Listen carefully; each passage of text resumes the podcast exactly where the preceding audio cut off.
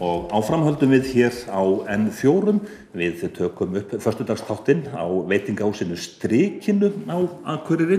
En ferðarfólki fjölgar ár frá ári sem að þýðir meðal annars að það þarf líka að því fjölga já, leiðsögu fólki til þess að já, leiða útlendingana í allan sannleikanum hvað fyrir augur ber og svo framvegis. Ingi Björg er Jónastóttir, kennari á Akureyri Já, þú hefur verið eh, leðsögumadur í nokkur ár og ert auk þess líka að eh, kenna verðandi leðsögumannum. Já, ég hérna kláraði leðsöguna um 2014 og fór strax að vinna við það. Það verið mest á sumrin, aðalega í dagsferðum hérna frá Akureyri en svona aðeins þar fyrir þann líka. Bara fyrst svona aðeins um leðsögu námið, þetta er tölvert nám að, að verða leðsögumadur og fá réttindi. Já, þetta er heilmikið nám, þetta tekur heilan vetur og skiptið tvær annir.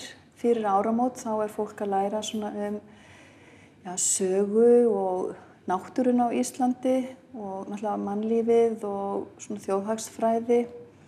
Ímislegt sem kemur að bara grunnstaðarindum um Íslands samfélag og eftir áramót þá faraði meira í að læra um landslutana, svona einkenni hvers land, landsluta fyrir sig og fyrir áramót þá er þau að meðaltali þrjú kvöld í viku, þetta er kent hérna við Háskólan Akureyri og svo cirka tvö kvöld í viku eftir áramót og þar fyrir utan er heilmikið á svona æfingaferðin.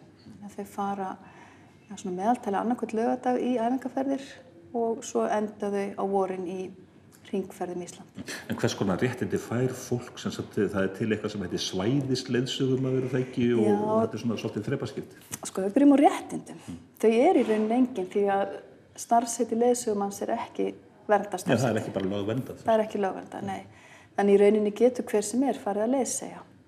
En allavega hérna á Akureyri þá hefur mér sínst að fyrirtækin leggja metnaði að vera með mentaði leðsugumann. Mm. Svona að þínu starfið sem leðsugumadur, þú fer vantarlega mikið í mývarsveit eins og, eins og flestir, eru kannski svona flesta ferðar sem þú ferðar, er þangað? Já, það eru náttúrulega Stór hluti af þeim sem til dæmis kom með skemmtifæraskipum fara í dagsferð í Mjóasveit. Það er svona algengast. Ég hef líka farið tölvört í Jökulsárgljúrin, svo fer maður stund til Húsavíkur, Siglafjörð, Skagafjörð. Það er svona þessar helstu dagsferðir. Mm. Mjóasveit, þetta er já, náttúru perla. Eru allir ánæðir alltaf?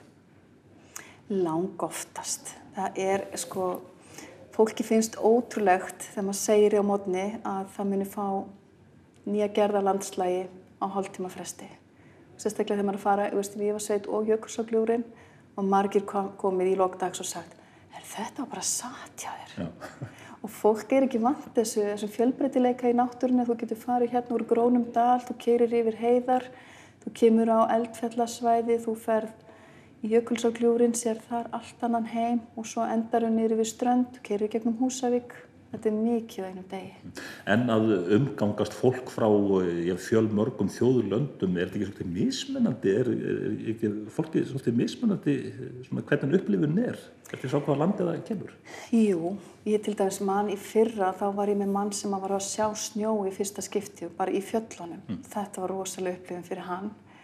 Margir eru hissa á þessu výðerni að sjá svona langt, það er engir skóar eða tré sem að byrja sín Sumir eru vanir hérna hraunum og eldfjalla umhverfi og finnst gaman að bera saman. Þannig að þetta er mjög ólík upplifin fyrir fólk en lang flestir er að koma til að sjá náttúrun á Íslandi. Mm. En þegar þú ert í þessum ferðum og ert að spjalla við útlendingana, þú færð alls konar spurningar og þarf það að kunna skila þessu öllu. Já, það er engin takmark sko, fyrir spurningunum. Ég held að skemmtilegsta spurningi sem ég fengi var það var maður sem að, hann kom til mín og var svona smá feiminn og ég sá að ja, nú er eitthvað að koma og hann svona horfaði með smá stund og svo sagði ég var að spá þetta með kindurnar hjá okkur. Já. Já. Hérna, þær eru viltar eða ekki? Sagði, na, svona ekki alveg, þær eru náttúrulega í úsi á, á veturna og heima við bæi og svo er það bara sleppt lausum yfir sumari og hann sagði hérna, getur sagt mér okkur alltaf þrjár saman? Þá hugsaði mér um smá stund og svo já, sjá til þetta er bara einstaka mæður. og hann hefur tekið það? Já, hann átti að sjá því að þetta var, var mjög raugriðt. En svona, þessi útlendingar sem að koma hérna, er, er það þannig að, flestir eru búin að undibúa sig svolítið vel, eh, búin að lesa sig til um landið og svo framvegis? Já, það er mjög oft, mjög oft sem að fólk hefur kannski tekið sér til og fundið íslenska bækur og lesið þær eða það hefur tekið törn og skoða íslenskar kvikmyndir.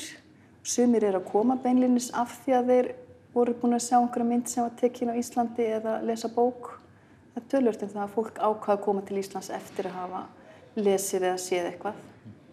Ef maður til dæmis bara svona googlar uh, Icelandic food, mm. þá kemur bara, bara fullt að sviða þessum. Já, veistu það, fólk er ekkert að spá í þá. Nei. Nei, fólk spáir mikið fisk, Já. það er svona mín reynsla. Já. Sumir er svolítið feimnir og spurja svona, hvað með kvalin? Get ég fengið hann eitthvað stöður? Þú ert vantilega búin að fara nokkrar ferðir í ringin í kringum Ísland. Þetta er nú vantilega svolítið svona skemmtilegt starf en öruglega líka á stundu þreytandi. Þetta er mjög krefjandi og líka því maður veit náttúrulega aldrei veist, hvað gerist yfir daginn. Það getur allt gerst. Of, en náttúrulega yfirleitt þetta er fullari fólk, það er í fríi og borga helling fyrir að vera í þessum ferðum þannig að yfirleitt er allir bara gladir og lettir. Og tipsa stundum? Já, stundum. Það er mismunandi eftir sko, þjóðarnum það er svona, veist, í sumir, sko, suma þjóðir gefa aldrei þjórfi, finnst það niðurlegandi, sko, að rétta leðsögum manni pening, meðan að aðrir, sko, bara geta ekki slefti, finnst það bara nöðsilegt. Hefur þú eignast vini í gefnum starfið svona? Já, reyndar. Það gerist einstakar sinnum að það er bara svona tenging sem að, hérna, heldur áfram. Þannig að þetta er skemmtilegt starf. Þetta er mjög skemmtilegt starf. Ingi Björg er Jónasdóttir, kennari á Akureyri og leðsögumæður, þakka þér fyrir að koma hingað á strikið og segja okkur þessa sögur. Mín var ánægðin.